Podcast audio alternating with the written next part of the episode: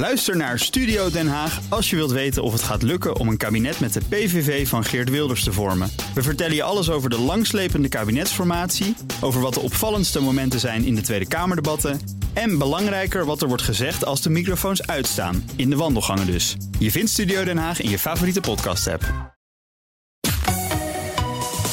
BNR Nieuwsradio. Boekenstein en de Wijk. Hugo Rijksma. Van de makers van Shrek Het is bekend dat draken vikingen doden. en Madagaskar. Maar als Hickey, de kleine viking, een jonge helleveeg het leven redt, sluiten ze vriendschap. Braaf draakje. Hickey leert precies hoe draken te aaien en te kietelen om ze rustig te krijgen. Wat we over jullie weten, dat klopt helemaal niet. Dit voorjaar Door hun vriendschap redt Hickey uiteindelijk het hele dorp. Avontuur, twee werelden. Het verovert het hart van het leuke vikingmeisje Astrid. Je bent gek. Wow, lekker gek. Hoe tem je een draak in 3D? Welkom bij Boekenstein aan de Wijk. Op zoek naar de nieuwe wereldorde. Met daarin deze week de vraag hoe je het Chinese politbureau moet kietelen. Met in de studio uw drakendoders Arend-Jan Boekenstein en Rob de Wijk. Waarmee de rol van het leuke vikingmeisje als vanzelf toekomt aan VVD-parlementariër Bart Groothuis. Goedemorgen. Het is niet anders, Bart.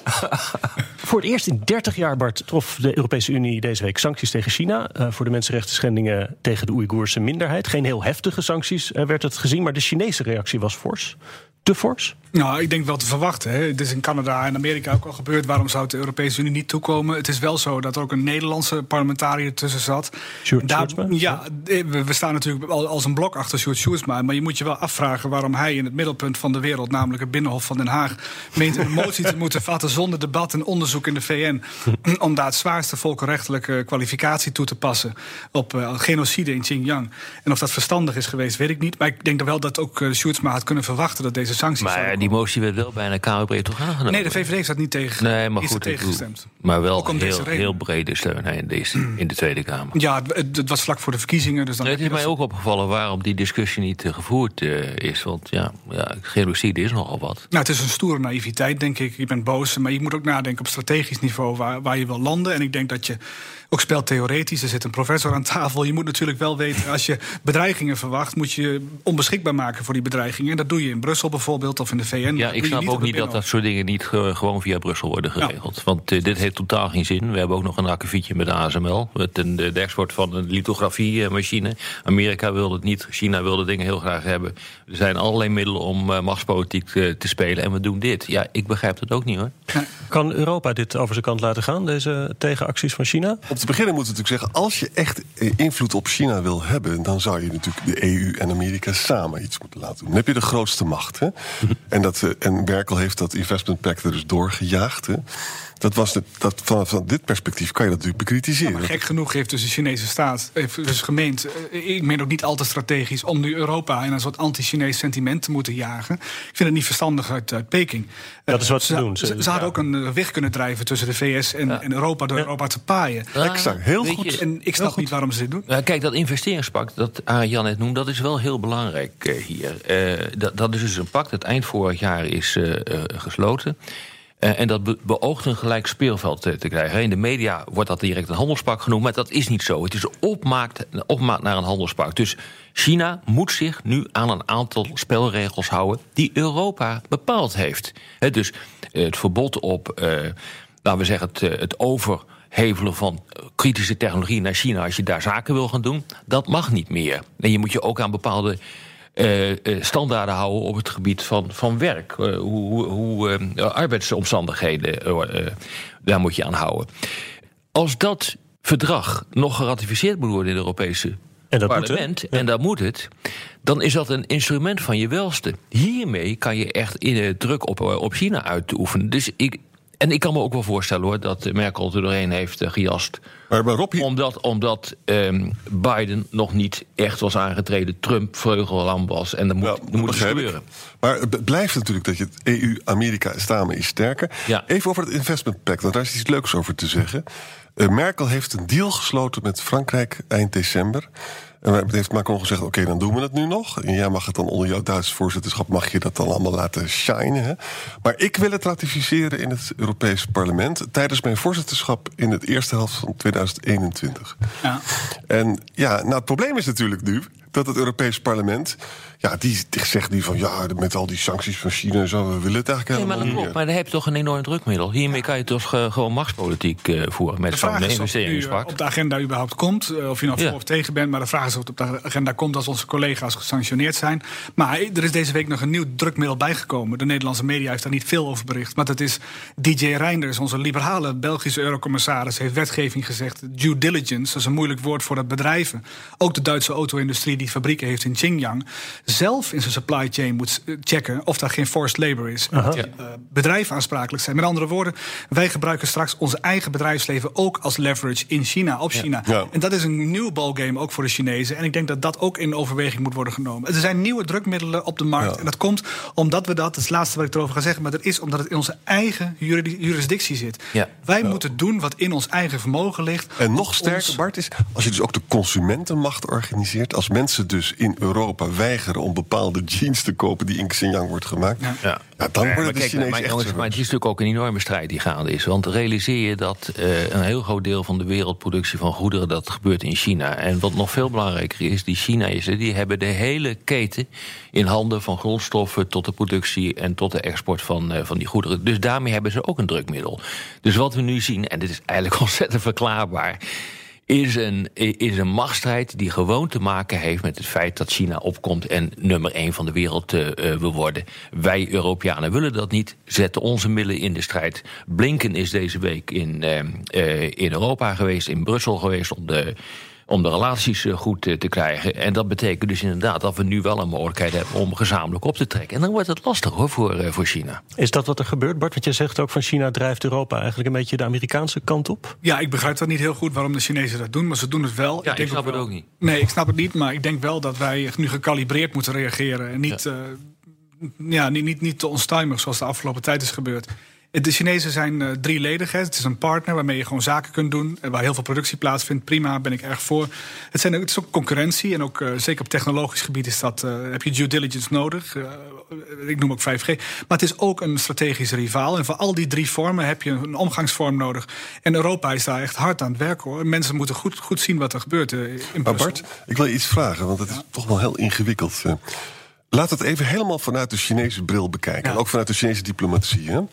Het is die Oeigoeren voor de Chinezen, dat vinden ze gewoon verschrikkelijk. En die mensen hebben een paar kleine aanslaagjes gedaan. Maar dat, is gewoon, dat moet gewoon opgelost worden. En ze schamen zich er ook helemaal niet voor. Dat, en ze gaan het ook echt niet zomaar uh, veranderen. Hè? Dat is één. Hè? Twee is, die Chinese diplomatie is ook heel merkwaardig, vind ik eigenlijk. Hè? Ontzettend hard en... Ze raken in paniek als ergens een, een, vlag van Taiwan verschijnt en zo, weet je wel. En zijn, zijn zij flexibel genoeg, Rob en ook aan Bart, om zo te schaken dat dus hun exportargument uh, prevaleert, dat ze dus ook, dat ze ook kunnen toegeven of zo? Of is het zo dat ze bij die Oeigoeren er zo ideologisch in zitten?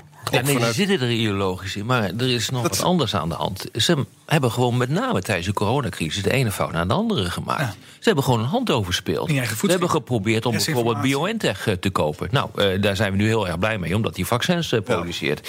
Ja. Uh, maar wat nog veel belangrijker is, is die Oeigoeren is maar één kwestie van de vele. Ja. Wat, waar, waar ze eigenlijk de duimschroeven hebben aangedraaid in China. Hongkong is een andere, binnen Mongolië is een, uh, is een andere. Ja. Uh, de Zuid-Chinese Zee is een andere. Ze hebben amper nog een oorlog gevoerd met, met India. Dat heeft ontzettend veel kwaad bloed gezet. Hij heeft, Xi heeft gewoon zijn hand overspeeld. En hij maar Rob? Hij is al bezig om te handelen alsof hij nummer één is. En dat hmm. is hij nog niet. Ja, maar hij heeft een kaart. Zo voelt hij zich wel. Maar hij heeft het tenminste gelijkwaardig aan Europa en de EU ja. en de VS. En zo gedraagt hij zich ook. Hij laat zich niks dicteren. En uh, daar hebben we wel rekening mee te houden. Maar het is inderdaad wat Rob zegt. Je moet ook kijken welke drukmiddelen je zelf hebt. En die hebben we zeker nog. Oh, die hebben we absoluut. Hebben we die ja. veel meer dan we denken. Dat, maar daar ben ik met je eens. Maar even, ze hebben een kaart. Hè? En namelijk die klimaatcrisis. Zowel Biden als ook Xi vindt dat een heel groot probleem. En China is al twee jaar bezig om als een soort leider van de landen te worden die die klimaatcrisis gaan aanpakken. Dat is voor de Chinezen echt heel belangrijk. Niemand die zoveel kolencentrales in de wereld bouwt. We- weet ik wel, maar ze zijn in de VN, weet je wel, zijn ze, zijn die commissie gaan leiden en zo. Ze probeerden dit echt. 2060 uit te moeten ze ener- energie-neutraal worden. Waarom niet Ja, 2050? Hè? Waarom niet 2050? Ja, anders veel groter. Omdat, omdat Dat ze tien jaar extra willen op Ja. ons. Ja. Ja. Nee, maar ik, het punt is, ik verdenk de Chinezen er vaak ook van om een eh, datum verder in de toekomst te leggen dan dat ze werkelijk kunnen halen. Want 2035, volgens het, eh, wat is het, het 19e partijcongres uit 2017 moesten de leider worden, de technologische leider worden van de wereld. Nou, als dat zo doorgaat, jongens, dan, eh, dan is dat binnen eh, in 20, 2025 het geval. Dus het zou mij niet verbazen als ze gewoon in 2040 energie-neutraal zijn. Het zou me niet verbazen. En als je kijkt wat er op dit ogenblik eh, gebeurt, ze zijn al de leider op het gebied van, eh, van groene technologie. Nou, met dit tempo gaat dat wel lukken hoor. Dit- Kijk, het grootste probleem is niet zozeer, ehm, hoe zullen we het eens netjes zeggen... het is geen probleem, dat de Chinese legerbrigades komen hier niet binnen van. Nee. Nee. Eh, het probleem is volgens mij dat China te veel drukmiddelen krijgt eh, op ons... zodat wij onze vrije samenleving gaan aanpassen. En Ja. daar moeten we volgens mij op sturen, ook de Zeker. politiek, Ja. in onze eigen jurisdictie vooral. En eh, dat is het belangrijkste taak die wij als politici ook hebben... om te kijken waar... Maar dat, dat doen we ook met de Franse-Duitse as, dat doen we ook met Rusland. Dat doen we zelfs met Amerika. Als Ja. dat de invloed te groot wordt op ons land, schakelen we dat. Dat is non-discriminatory. Chinezen mogen zeggen, ja, je hebt iets anti-Chinees. Ik ben niet anti-Chinees. Ja. Ik ben gewoon tegen te veel invloed van welk land En, dan ook. en ik, wat ik liever niet wil, is dat wij, eh, laten we zeggen, beïnvloed worden door een autocratisch land dat een staatskapitalistische structuur heeft. Oftewel, economie is politiek en economie is een politiek bri- eh, eh, drukmiddel. Kijk wat ze doen eh, met het Belt and Road initiatief. Maar op scherper, zijdelieven. technologie is geopolitiek geworden. Ja, we zitten in onze absoluut. huiskamers, Oh, in onze politieke, het technologische zenuwcentrum van onze samenleving. Absoluut. komen. En dat is een ander speelveld dan vroeger. Ook is het ook een politiek-militair strategisch speelveld, 5G bijvoorbeeld. Ja. Ja. Daar moet je op nieuwe manieren over nadenken dan we vroeger deden. Maar we moeten wel snel zijn. En Ja. eh, jij zit in Europa en eh, ik verbaas me gewoon eh, wel niet over de debatten in Brussel. Die vind ik eigenlijk best wel oké. Maar ik verbaas me over de debatten in de, in de hoofdsteden, inclusief Den Haag. Je zult met een Europees industriebeleid moeten komen. Of je het wil of niet. Je moet dat doen. Ik begrijp niet waarom eh, wij zo vasthouden aan Huawei en ZTE... als eh, bedrijven die bijvoorbeeld 5G eh, leveren... terwijl we god betere de winkel om de hoek hebben. Nokia en Ericsson. Ik snap hem niet. Dus je zult eigenlijk wel een beetje protectionistisch moeten gaan worden. Ik bedoel, ik haat dat woord, ik vind het vreselijk... maar ik bedoel, daar is geen ontkomen aan, hoor. Open strategische autonomie noemen we dat. Om Ja. wel te zorgen dat je een open Ja. houding houdt, maar wel let Ja, op strategische autonomie heet dat, dus het buzzword... maar eigenlijk is het gewoon een vorm van protectionisme. BNR Nieuwsradio. Boekenstein en de Wijk. Op zoek naar de nieuwe wereldorde. Dit is Boekenstein en de Wijk. En het programma is natuurlijk niet zonder Arend Boekenstein en Rob de Wijk. Mijn naam is Hugo Reitsma en onze gast is VVD-Europarlementariër Bart Groothuis. Of voor de duur van deze uitzending ook wel Astrid. Ehm, niet alleen was de Amerikaanse minister in Brussel, maar eh, nou was afgelopen weekend ook de Russische minister van Buitenlandse Zaken in Beijing. Ja, en die hebben ook gezegd van... nou, laten we gezellig samen gaan werken. Krijg je hier dan een soort nieuwe blokvorming? Nee, dat denk ik niet. Kijk, eh, eh, China houdt niet van blokken. Eh, China houdt ook niet van bondgenoten. China die houdt van zakelijke relaties. Nee, er is echt een heel groot verschil hoor, tussen Europa en Amerika. Wij houden van bondgenootschappen. Dat willen we ook. Er zijn wel een paar organisaties waarin ze zijn toegetreden... omdat ze niet anders kunnen. Maar Rusland is hoe dan ook de juniorpartner van, eh, van China. Die moet eigenlijk doen wat er gezegd wordt. Het is niet zo dat die gezamenlijk eh, teamen om eh, het Westen dwars te zitten. Dat willen ze wel, en dat willen ze ook allebei. Maar uiteindelijk bepaalt China de agenda. Heel erg waar, hè? dat zie je dus ook in, de hele gasrelaties. Hè? Van China koopt voor weinig eh, lage prijzen gas van Rusland, omdat ze Kazachstan aan uitspelen en zo. En China is natuurlijk vele malen rijker en succesvoller dan Rusland. Rusland is net zo groot als de gezamenlijke Benelux-economieën. China is een van de grootste economieën van de wereld. Hè? Of is Kazachstan, heel interessant, heeft een Chinees cybersecurity bedrijf, heeft Russische operaties van de militaire inlichtingendienst, hackers, hebben ze blootgelegd, hebben ze publiek gemaakt. Dat is nog nooit eerder gebeurd, hè? Dat een Chinees cybersecurity bedrijf de operaties van de Chinese, van een Russische geheime dienst aanbrandt in Kazachstan voor geopolitiek doel. Ja. Ik vind dat ze het heel slim doen. Ja. En Maar even iets anders. Kijk, de liberale wereldorde waar jullie hier vaak over hebben, die tekent zich hier af. Wil je met liberale landen, in strikte liberale landen, zaken blijven doen of eh, en, en de rest links laten liggen? Ik denk dat het heel onverstandig is. De wereld wordt heel erg benauwd en klein. En we moeten ook kijken naar eh, de invloedssfeer die, die China krijgt over de wereld. Die is gigantisch. Maar Bart, En- maar Bart, dat is zo, hè? Maar hoe krijgen we het dan voor niet- elkaar dat we hier een debat krijgen, ook in de Tweede Kamer? Iets realistischer moeten we. Dat realistischer Ja. is, maar waar we ook afstappen van die idiotie dat we handelsakkoorden niet willen. Hè, wij wij zijn er denk ik hier wel over eens dat wij bepalen wat de toegang is tot de interne markt in eh, Europa. Wij bepalen de standaarden. Andere landen hebben zich daartoe te conformeren. Een vloerkip, als wij hem niet willen hebben, komt hij er niet in. Eh, ondertussen wordt dus wel het Mercosur-verdrag met eh, Zuid-Amerika en het CETA-verdrag En- in en Canada. Belachelijk. Wordt, Ja. maar in mijn optiek, en ik denk dat we die discussie echt anders moeten gaan voeren, gaat het echt niet meer om een procentje meer of minder economische groei met handelsverdragen. Maar dit is het geopolitieke argument. Daarom heb je die handelsverdragen nodig.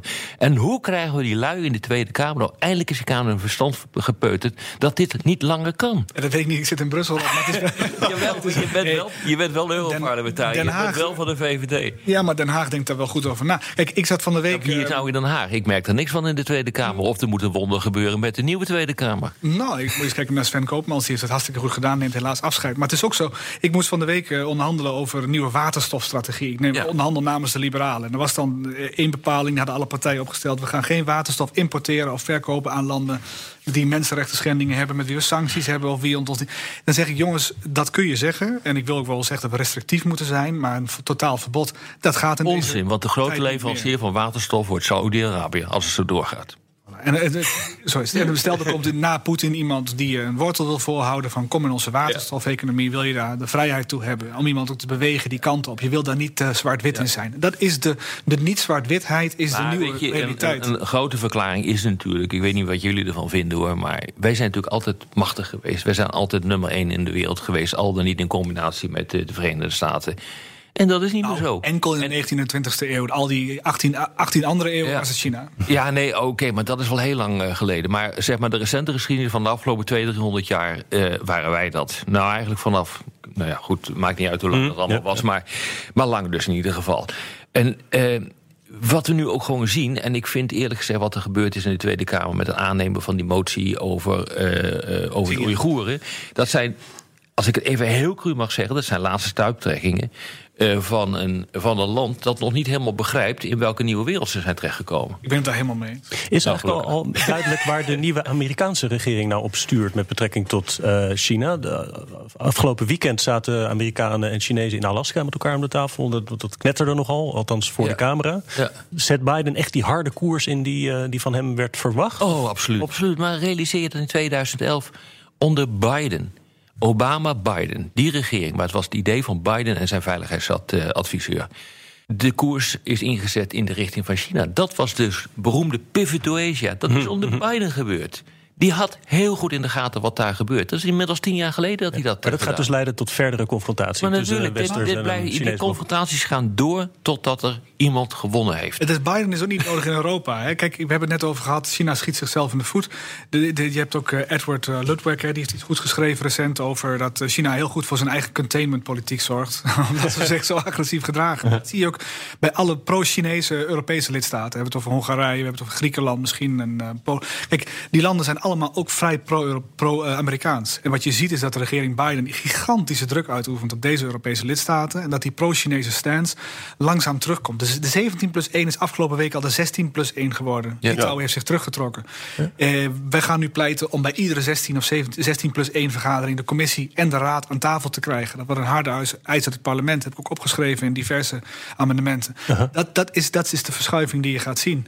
Maar Bart, even, even de bigger picture. Want ik wil graag horen hoe je erover denkt. Een van de rode draden uit onze podcast, dat komt steeds weer terug, is dat. Kijk, Duitsland heeft ongelooflijke Chinese belangen. Heel erg. Dat was ook de reden voor het Investment Pact. Nou, Biden heeft al die tariefverhogingen van eh, Trump intact gelaten en drukt heel erg hard. Het is niet zo moeilijk om te voorspellen dat er grote spanningen komen tussen de Amerikaanse China-politiek en de Europese en met name ook de Duitse. Hoe gaan we dit managen? Hoe gaat dit aflopen? Europa voert een zelfstandige koers, denk ik. Uh, dat is belangrijk om te zeggen, maar niet in isolatie. We zijn nauw verbonden met onze transatlantische partners, ook in veiligheidsopzicht. Uh, ik denk dat je niet makkelijk je los kunt koppelen van Amerika. Door een, het enige wat Amerika echt vreest, hetzelfde als Iran, wat Iran vreest en Rusland vreest, is een front van liberale landen ja, die hun markt gebruiken. Ja, en, en, dat, en dat is. Dat lijkt nu een feit eigenlijk. Ja. Nou, is nog geen, nou ja, dat hangt er vanaf dus wat de Pacific, Indo-Pacific gaat doen. He, wat de landen in Azië gaan, uh, gaan doen. En dat is niet makkelijk hoor. Ik heb het hier wel eens eerder gezegd. Ik heb wel eens, ben wel eens bij die besprekingen geweest. En uh, men ziet ons toch wel in belangrijke mate als kolonialen. Ja, ja. Die uh, van, van wat kom je eigenlijk doen? Laten we het, mogen het even zelf doen. Over een westers Ook daar moet je dus nog geopolitiseren. gesproken, uh, Blinken, de Amerikaanse minister van Buitenlandse Zaken... was niet alleen uh, bij de EU op bezoek om te praten over China... maar ook bij de NAVO. Wat voor rol gaat die? Of moeten die een En hij sprak over Nord Stream 2, hè? keihard. Ook. Ja, nou ja, even de NAVO aan, Jan. nou ja, kijk, wat er ook gebeurt, dat is nu uitgelekt. er komt een, een eskader... Uh, de Queen Elizabeth, een nieuwe carrier van, uh, uh, van de Britten. Die gaat in de richting van de Zuid-Chinese Zee. Nederlands vergat, Frans vergat. Het gaat dus allemaal meedoen aan Freedom of Navigation operaties... om duidelijk te maken tegen China, tegen China dat die Zuid-Chinese Zee echt van iedereen is... en niet van, van China. Dus dat wordt een uitruil met, voor Amerikaanse steun met de NAVO. We hebben het hier een jaar ja. geleden hebben we het hier al voorspeld dat dit ging gebeuren. En dat ja. klopt dus ook. Nou ja, ik bedoel, het is allemaal geen hogere wiskunde. Als je een beetje verstand hebt van hoe geopolitiek werkt, dan, weet je, dan weet je dat dit soort bewegingen gewoon. Moeten wij naar Azië? Ja, dat gaat gewoon doen. gebeuren. Nou, doen wij dat niet, dan zullen de Amerikanen hun troepen terugtrekken. En het is heel simpel. De Amerikanen hebben onvoldoende middelen om op twee plekken in de wereld een grote oorlog te voeren. Dus het is of in Azië of in Europa. Je zei in dat verband ook, als ik het goed samenvat, dat Europa zijn gezamenlijke verdediging tegen hybride dreigingen, dat dat nog iets is dat we niet goed op orde hebben. Ja, het is belangrijk dat als je in deze tijd kijkt, dat, kijk, wat ik net zeg, legerbrigades komen hier niet binnenvallen. Het staal op staal, die tijd die is lastig geworden hè, om, om, om een militaire confrontatie te zoeken. Dus gebruiken ze de samenleving veel meer als wapen. Dat doen de Russen, dat doen de Chinezen, de Iraniërs. Dus ze proberen met hybride conflicten, zou je kunnen zeggen, ons uh, tot andere gedachten te brengen, of ons te verstieren, te verzwakken, uit elkaar te spelen. Nou, als een land, bijvoorbeeld Litouwen, wordt nou wordt, uh, verstoord door, door Rusland. Dan mag Litouwen terugslaan, maar Nederland en Frankrijk mogen niet helpen met een onvriendelijke daad. Nou, dat vind ik een lancune. Dat is juridisch. Uh, Internationaal rechtelijk is dat gedefinieerd in het staatsaansprakelijkheidsrecht. En wat ik vind is dat je daar tussen jezelf, tussen militair collectief ingrijpen en dat één land iets mag doen, moet je zeggen: we, gaan, we behouden ons het recht voor tot collectieve tegenmaatregelen. Ja. Ook met onvriendelijke daden, waardoor het onvoorspelbaarder wordt hoe Europa reageert. En daarmee verander je de calculatie van Beijing, van Moskou, Teheran. Voordat ze die operaties uitvoeren. Op dit moment is het low cost, low risk, high reward. Maar kan, maar kan er dan niet in het kader van het verdrag? Want uh, daar zit een collectieve defensieclausule in, he, in het EU-verdrag. Dus uh, een aanval tegen één is een aanval tegen ander. Maar dat gaat over militair. Maar er zit ook een solidariteitsclausule ja. In. Uh, en die is volgens mij is die in leven geroepen als, als, ja, om een actie, gezamenlijke actie te kunnen doen in het kader van, uh, nou laten we zeggen, terroristische aanslagen. Ja, bosbranden in Portugal. Ja, en, en dat soort dingen. Ja. Kan, je, kan je die clausule daarvoor gebruiken? Ja, ik denk dat de geest inderdaad van die clausule duidelijk ademt dat je collectieve te tegenmaatregelen zou moeten kunnen nemen. Alleen het internationaal staatsaansprakelijkheidsrecht staat het nog niet toe. Mhm. Mm -hmm. Dus ik denk dat we moeten zoeken naar een bepaalde internationaal rechtelijke vorm waarin dat kan. Ik heb ook een, uh, een paper daarvoor gemaakt. Ik ga daar binnenkort een opinieartikel over schrijven. Ik probeer daar in Brussel de handen voor op elkaar te krijgen. Vooralsnog lukt dat heel aardig. En ik hoop dat zowel de NAVO en de EU zich weten opnieuw weten uit te vinden met dat artikel in de hand, zodat ze zich ook kunnen wapenen tegen de hybride conflicten. Ja, en hybride, even, dus dat is van alles, hè? Dat ja. is cyber, cyberaanvallen, eh, ondermijnende activiteiten, desinformatie, dus een hele blikse boel wat je over ja. je heen kan, kan krijgen om ervoor te zorgen ja, dat eigenlijk de NAVO of de Europese Unie uit elkaar wordt uh, gespeeld en, en, en de besluitvorming eigenlijk verlamd wordt. Dat is waar het feitelijk om gaat. Voilà, en dat is een groot probleem. Het is de belangrijkste analyse. Dit is de belangrijkste analyse en de verklaring voor waarom onze verlamming jegens die hybride conflicten die waar we in zitten, dat we daar niks tegen doen. Ja. Op de radio ronden we af, maar in de podcast gaan we door met luisteraarsvragen. Luistert u op de radio, dan verwijs ik naar Apple Podcasts, Spotify of boekensteinendewijk.nl. En we hadden over, over dat uh, vliegkampschip uh, Rob Bouta. Die had niet echt een, een vraag, maar um, ik moest hem toch even noemen. Die, die, had het over eurobonds uitgeven. Een vliegkampschip aanschaffen, volzetten met straaljagers van Amerikanen richting de Chinese zeevaren. En er in Egypte achterkomen dat je vaststaat achter de Ever Given. Mooi beeld. Dat kan heel goed het geval zijn, ja. ja. moet je even omvaren. Die schepen kunnen dat wel hoor. Dat kost vijf tot zeven dagen, heb ik begrepen. Dus nou, valt wel mee. Bobby Jagernat vraagt: uh, zodra China een goede boterham weet te verdienen op zijn eigen interne markt, zal China's arsenaal aan sancties waarschijnlijk toenemen. Met welke sancties kan China de EU dan om de oren slaan? Oh, uh, het, uh, het, het niet leveren van bepaalde technologische producten dat je geen zonnepanelen meer kan krijgen en dan dat soort uh, ongein. Nou, dan maar kunnen we onze doelstelling ook niet meer dus halen. We willen natuurlijk uh, die interne markt cultiveren. Maakt dat ze ook minder kwetsbaar voor Europese uh, sancties? Ja, dat denk ik wel, ja. Ze willen goed, deels, goed deels autarkisch worden. Ze, Xi Jinping weet ook dat hij voor een klein aantal elementen afhankelijk is van andere landen. Zoals een aantal rare earth materials waar hij nog geen controle op heeft. En bijvoorbeeld kobalt. Nou, Zweden bijvoorbeeld heel goed in. Nou, dat zijn dingen die je moet, moet inzetten, denk ik, in de relatie. Ja, dat klopt. En ze hebben zelf ook rare earth. Hè? Heel veel. En ook alle landen die het hebben, zoals Bolivia en zo, die zitten, ja, of een aantal andere landen in Afrika, die zitten in de invloedssfeer van China. Hebben ze beter gespeeld dan wij dat spel de afgelopen 10, 20 jaar. Zeker. Fred Sengers, die wij kennen als China-deskundige, zegt: Wordt het niet eens tijd dat politici open zijn over de voor- en nadelen van onze relatie met China? Realistisch over onze mogelijkheden Beijing onze wil op te leggen en duidelijk maken dat aan onze morele zendingsdrang een prijskaartje ja, komt. Nou ja, helemaal mee eens. Alleen de Chinezen zijn niet echt in staat op dit ogenblik om hun wil aan ons op te leggen. En uh, ik, ik, zeg het nog maar eens: de Europese Unie is veel, veel sterker dan je denkt. En het is een, uh, het is een organisatie waar een leider als Xi Jinping zijn tanden compleet stuk op bijt. En dat geldt trouwens ook voor, dat geldt trouwens ook voor, uh, voor Poetin en het gold destijds ook voor Trump. En, met name, en, en door en met name due diligence ja. en die consumentenmacht. Ja. Dat is... Democratieën zijn heel traag in het zich laten inmengen in dit soort uh, tit-for-tat uh, dingen ja. en conflicten. Maar als we er eenmaal ingaan en we zijn united, dan wordt het ook vervelend. We zijn echt wel united en dan hebben we wel iets. Maar ik wil het ook niet. Je wil het vermijden en ik denk dat Brussel er ook alles aan moet doen om dit te vermijden. Ja, maar het gebeurt wel. Je hebt daar in het begin van het gesprek uh, natuurlijk een paar voorbeelden van genoemd. Het gebeurt wel degelijk. En die interne markt, daar valt niet mee te spotten. Je, je moet je gewoon houden aan de regels. En Europa bepaalt de regels. Jan-Pieter vraagt: Is dit optreden van de Chinese overheid er ook op gericht om de opinie van de eigen bevolking te beïnvloeden? Zoals anti-westerse demonstraties in bijvoorbeeld Pakistan en Iran in scène worden gezet? Of is de mening van de Chinese bevolking helemaal niet relevant? Ik zou denken dat het niet relevant is. Wat vind nou, jij, nou, nou, veel Chinezen vinden, vinden, denken heel anders dan wij... en vinden dat met die Oeigoeren maar heel merkwaardig dat we daarover beginnen. En ze lezen in hun krant, weet je wat ze lezen in de krant? Ik heb dat in de Engelse vertaling zitten lezen van... ja, wat een gezeur zeg over de Oeigoeren. En dan beginnen de Duitsers erover. Die hebben de holocaust gedaan. Zo gaat het dus, hè? Uh, Voor domestic uh, use. Ja, kijk, de Xinjiang wordt gezien als een bufferzone. Ja. En uh, Rusland heeft ook natuurlijk een ring van een gordel van staten... die ze beschouwen als bufferzone. Ja. Wij doen dat niet. Wij beschouwen sinds 1648 de soeverein, staat als soeverein. Maar we zullen iets van die uh, bufferzone gedachten moeten overnemen. Hetzelfde als wij zeggen, ja, onze bedrijven is niet onze staat, daar wel. Ja. Uh, dat geldt voor Rusland, dat geldt voor China. Hun staat, dat, dat, hun bedrijven, dat is de staat. En als wij daar niet iets tegenover zetten, Klopt. iets adapteren van die, dan, dan laat je jezelf uitspelen. En zij proberen natuurlijk onze bufferzones kapot te maken. Kijk wat er gebeurt op de Balkan. Daar voilà. vindt de grote strijd op dit ogenblik om de invloed te plaatsen. En vandaar moet onze onvoorwaardelijke steun voor de Baltische Staten bijvoorbeeld continu ja, ja, worden ja. uitgesproken. Mees.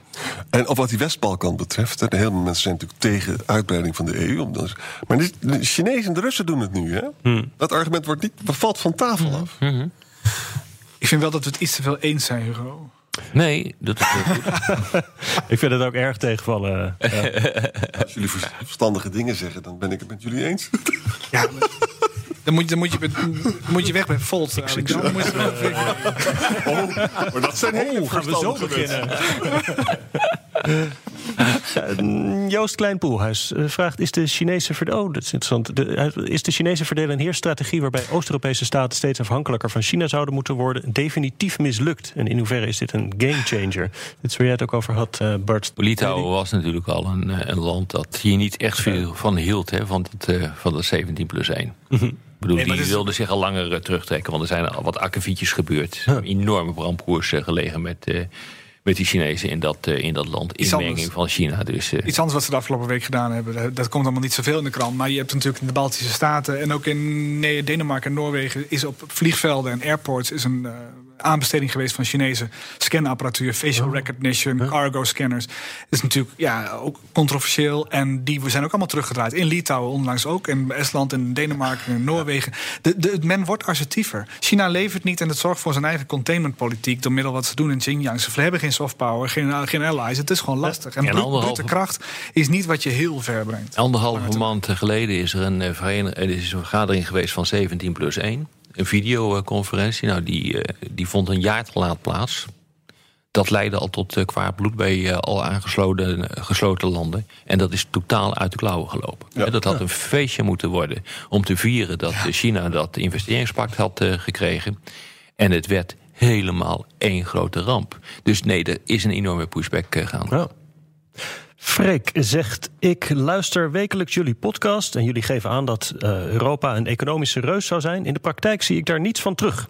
China deinst nergens voor terug. Sancties, love my ass off, mannen. China gaat gewoon lekker door en kent geen tegenstand. Ja, dan moet je gewoon eens een keer de kranten gaan lezen. Of naar dit programma gaan luisteren. Ja, dat- Beter dat- naar dit programma wekelijks gaan doet hij luisteren. dat. Dus, eh, Ja, nee, nee, maar ik bedoel...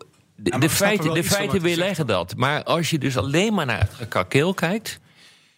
dan kun je tot die conclusie komen. Maar je moet niet naar het gekakeel kijken. Je moet kijken wat er echt gebeurt... en wat de uitkomsten zijn van de discussies die in Brussel worden gevoerd. En wat dan de maatregelen zijn. En dan moet je constateren...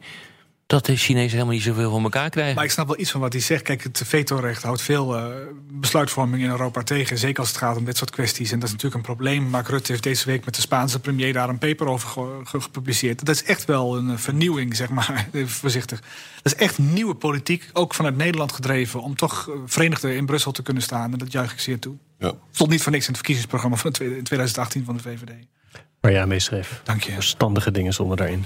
Eh, Bart eh, vraagt: Zou de EU kunnen reageren door samen met Biden te beslissen dat China uit de WHO wordt gezet? Ik denk dat ze uiteindelijk een eigen WHO gaan oprichten, die Chinezen.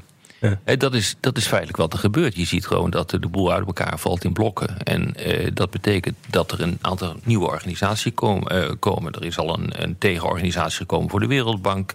Eh, ze zijn nu bezig om iets tegen het IMF op te richten. En dus langzamerhand zal er een verschuiving plaatsvinden. Maar goed, als er decoupling komt, hè, daar zijn veel mensen bang voor. En als ook dus als ze autarkisch worden binnen die grote gemeenschappelijke markt die ze dan in het oosten creëren, dan hebben we minder invloed op ze. Hè? Dan zitten we dus in een wereld, in een niet-liberale wereld, Ja. waarin ook minder arbeidsspecialisatie is. Dat is, dat, zou, is waar, dat zou Jan, China- dat is waar, China, waar Rusland mee bezig is op dit ogenblik. Dat is Maar- wat ze aan doen zijn. Maar daar betalen we ook een prijs voor. Ja, natuurlijk. Ja, wij moeten ook blijven handelen met de hele wereld, vind ik. Ja. Ja. Tot slot eh, vroeg Sam Zarian zich nog af of de Chinezen op tijd door zullen hebben eh, dat de Council of Europe eh, iets heel anders is dan waar de sancties vandaan komen. Uh, verwijzend naar een bericht in de Global Times. Ja, ja, ja, staatskrant ja, die- ja, ja, dat is echt de Europese Unie hoor. Brussel is gewoon niet te andere sanctioneren, omdat het te ingewikkeld of Wat dan ook. Nee. Eenmaal als de Raad van Europa is, heeft Pieter Omzicht weer een probleem. Die weer een nieuwe functie zoeken. Functie elders. Dit was weer Boekenstein en de Wijk. Namens Arend Boekenstein en Rob de Wijk zeg ik dank voor het luisteren. Speciale dank aan Bart Groothuis. En tot volgende week.